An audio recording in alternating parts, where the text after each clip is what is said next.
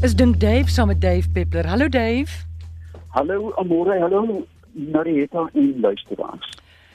Dave, ek sien nou net hier op sien en dat wetenskaplikes is op Mars besig om te soek vir ruimtewesens nogal.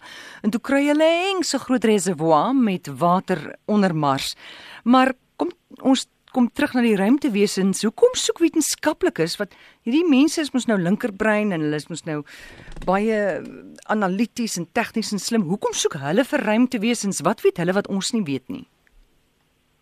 Hulle die soeke na lewe het niks te doen met ruimtewesens nie. Jy onthou hoe kan jy onthou want jy was nie gebore nie. Nou hier in die laat 50s, 60 by by in Amerika was daar 'n absolute alien scare so groot as 'n wêreldoorlog. Daar het 'n 'n 'n tuig geval en daar het 'n pikterige dingetjie gelê wat gebeur het met puntore en katoe en so. Dit was natuurlik 'n slenter van die hoogste aard. Ons soek lewe op buite ons eie planeet om te verstaan die aard van die lewe op ons planeet. Nou, mm. daar is heelwat teorieë wat sê ja, die lewe het ontstaan by hierdie uh, fabelagtige uh, wat die wat die National Geographic die black smokers, daar die warm water wat in die oseaan uitkom, waar daar nie eens lig is nie. Ander het gesê dit is warm fonteine gebeur en ander dink en dis almal teorieë en hipoteses wat sê die lewe het dalk met 'n komeet gekom.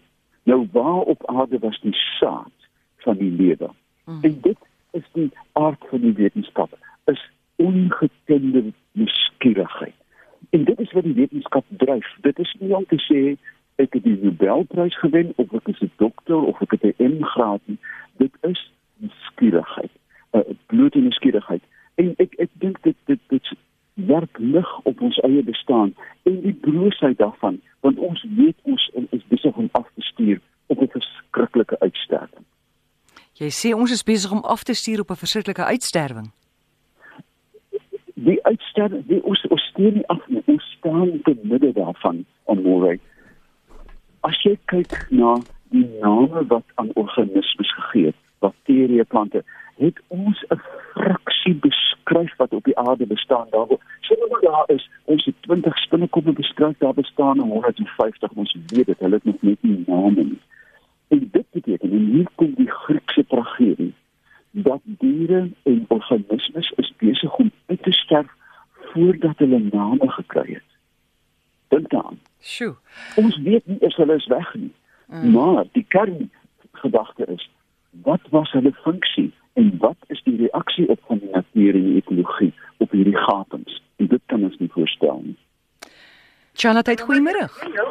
Goeiemôre, kan ek uh, vir Dave 'n paar vrae vra? Jy kan vir hom 'n vraag vra ja. Hallo Dave, um, Dave ek wil weet as 'n uh, hoekom uh, huk huk mense wat bietjie dronkerig is, wat bietjie te veel gedrink het. Die ander ding wat ek net vir jou wil sê, ek wil weet, weet jy uh dat mure nie maklik verdrink nie. Hulle swerm so by mekaar half of hulle mekaar vasklou mm. en so oorleef 'n hele klomp van hulle. Het jy dit geweet? Ek luister by die ek luister by die radio, dankie. Dankie. Dave, het jy dit ja, geweet? Ek het ek, ek moet met leed wees gesê dat ek dit wel geweet het, baie jammer. Damn. Kom ons begin. Ja, hier is enige organisme of objek het sogenaamde oppervlaktespanning. As jy meel op water sif, dan bly dit bo. Ehm um, olie het het ewige oppervlaktespanning en dit is waarom dinge dryf. Bote het nie oppervlakte spanning nie, hulle is net eenvoudig gedompel in water wat nie in die romp lê nie. So ja, dit het die die antwoord vir die niere is dan oppervlakte spanning. Ek is so klitskop, wat was die eerste vraag? Die eerste vraag was of hoekom ek mense as hulle getrek is? Ja, kyk ja, hulle babas en ek. Ek ja. jy kan nie dan nie vashou nie.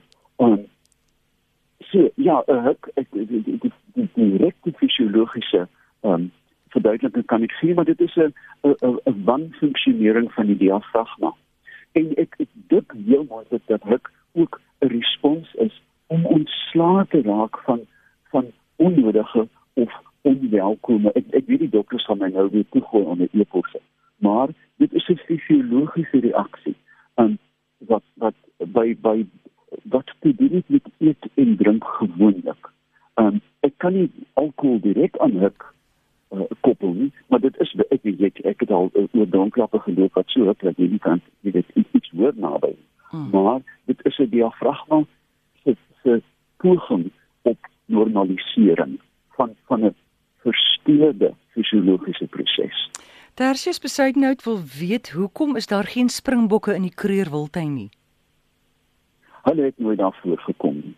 Springbokke is kort plantvreters.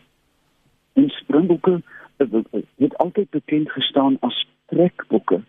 Jy nou geliefde uh, Wilfred Wes, daar is 'n uh, getuienis in Godes van etlike miljoene springbokke wat deur Wilfred op pad was om te trek en hulle was natuurlik afgemaai soos jy kan dink. Hmm. Um, en so mate dat 'n rooibok nie in die Karoo voorkom nie, kom 'n springbok nie in in die Kreeudalton voor nie.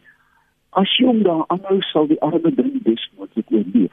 Maar dit is nie sy mis nie. Hmm. Dit is vinnig. Elke dier, elke lewende organisme het 'n mis. Nou 'n mis is nie een plek nie. Daar is 'n vreetmis, 'n wegkruipmis, 'n slaapmis en 'n skuilings en 'n oorwintermis. En die die voedingsmis van die springbok is bepaal hmm. op oop veld. Goed. Ons vat nog 'n oproep Charlotte uit goed. Oepsie. Iemand wil weet waar oor winter muskiete. Dis muskiete oor winter nie, ek dink hulle vrek eenvoudig net.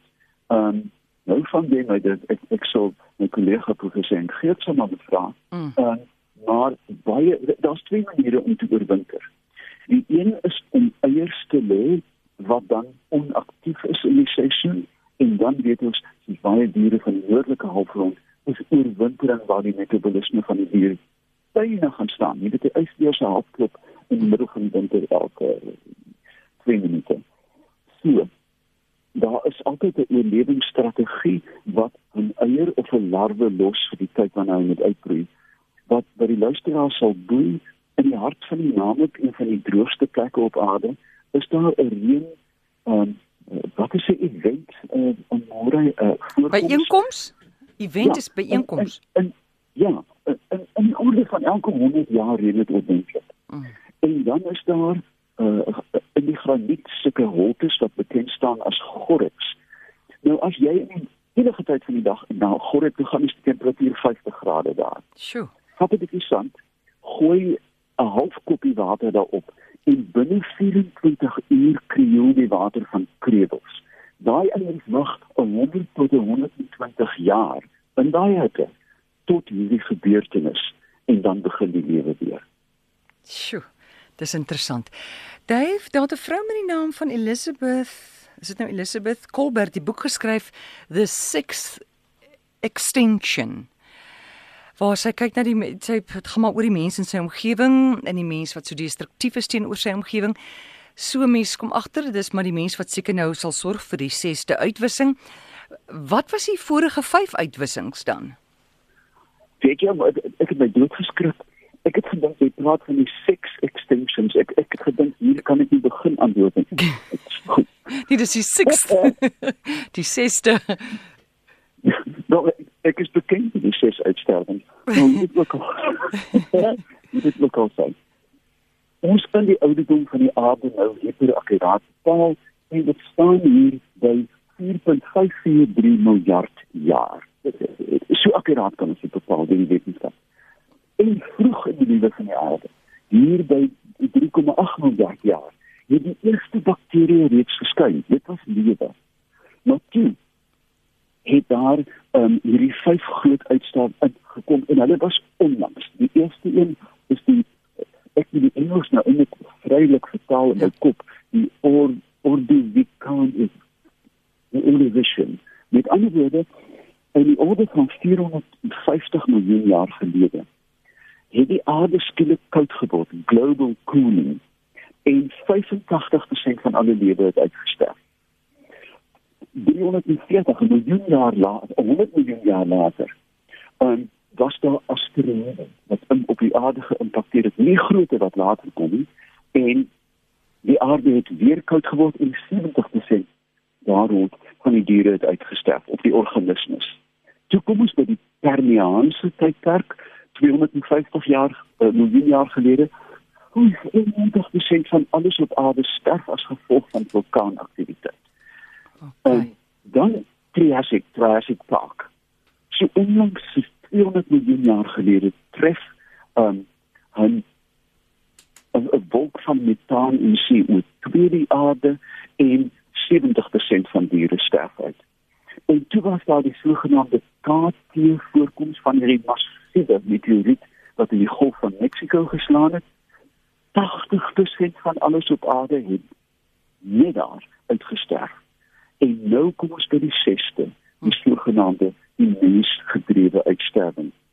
En wat ons vroeër van gepraat het, die uitsterwingstempo is op die oomblik so hoog dat ons nie tyd het om die dooie diere name te gee nie.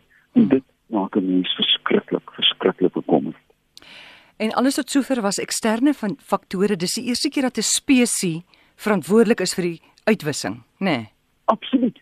Kyk, Amore, kan jy glo as ons, ons het gepraat van 400, ons het gepraat van 3.8 miljard, ons het gepraat van 400, 300, 200, 200 65 miljoen jaar gelede.